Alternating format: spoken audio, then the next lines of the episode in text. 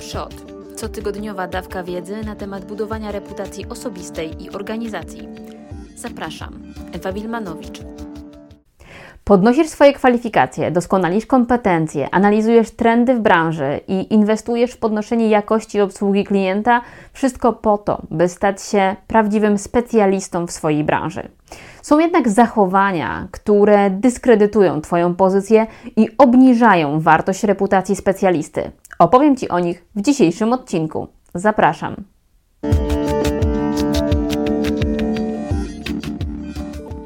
Pierwszy z nich to krytykowanie konkurencji. Bez względu na to, czy funkcjonujące na rynku firmy, które świadczą te same usługi lub mm, produkują podobne produkty, robią to lepiej niż ty, czy gorzej, odwoływanie się bezpośrednio do jakości ich pracy źle wpływa na Twój wizerunek. Pokazuje, że odnosisz się krytycznie do innych osób, wzbudza negatywne im emocje, które są kojarzone z Tobą. Jeśli zależy Ci na tym, aby w oczach klienta pokazać różnicę między ofertą konkurencji a Twoją, możesz zapytać o to, czy interesował się tym, w jaki sposób przebiega tam obsługa posprzedażowa, bo Ty robisz to w taki i taki sposób, albo czy analizował kwestie związane z dodatkowymi poprawkami przy jakichś pracach twórczych i kreatywnych, czy mm, analizował, czy wie, w jaki sposób e, wygląda ewentualna obsługa po w przypadku, kiedy wiem, projektujesz strony internetowe albo e, zajmujesz się takimi projektami, które będą wymagały kontynuacji. To sprawi, że klient będzie bardziej świadomy w dokonywaniu wyboru. Nie ma jednak sensu, by odnosić się bezpośrednio do pracy innych osób, bo jak mówi przysłowie, psy szczekają, karawana jedzie dalej. Lepiej jest budować pozytywną argumentację w obszarze swojej oferty, aniżeli odnosić się do innych. Druga kwestia to opieranie całości komunikacji na komunikacie ja.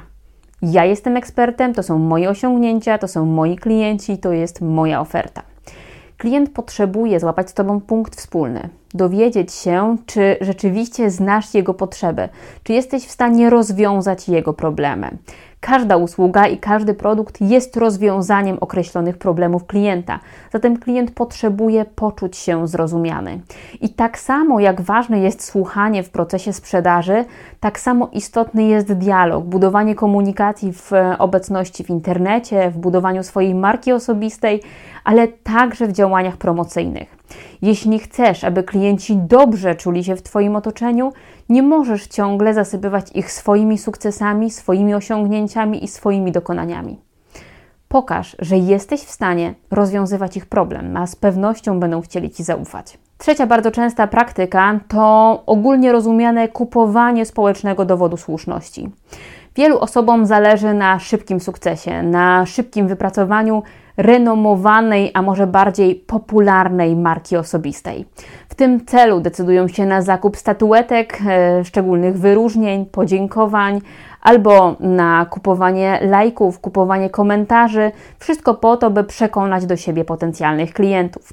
Niestety, przez to, że te praktyki są coraz bardziej popularne, są też coraz częściej rozpoznawalne, a klient jest w stanie rozróżnić e, rzeczywiste wyróżnienie lub nagrodę, która przyznawana jest za konkretne wyniki, a która nagroda jest po prostu poparta fakturą.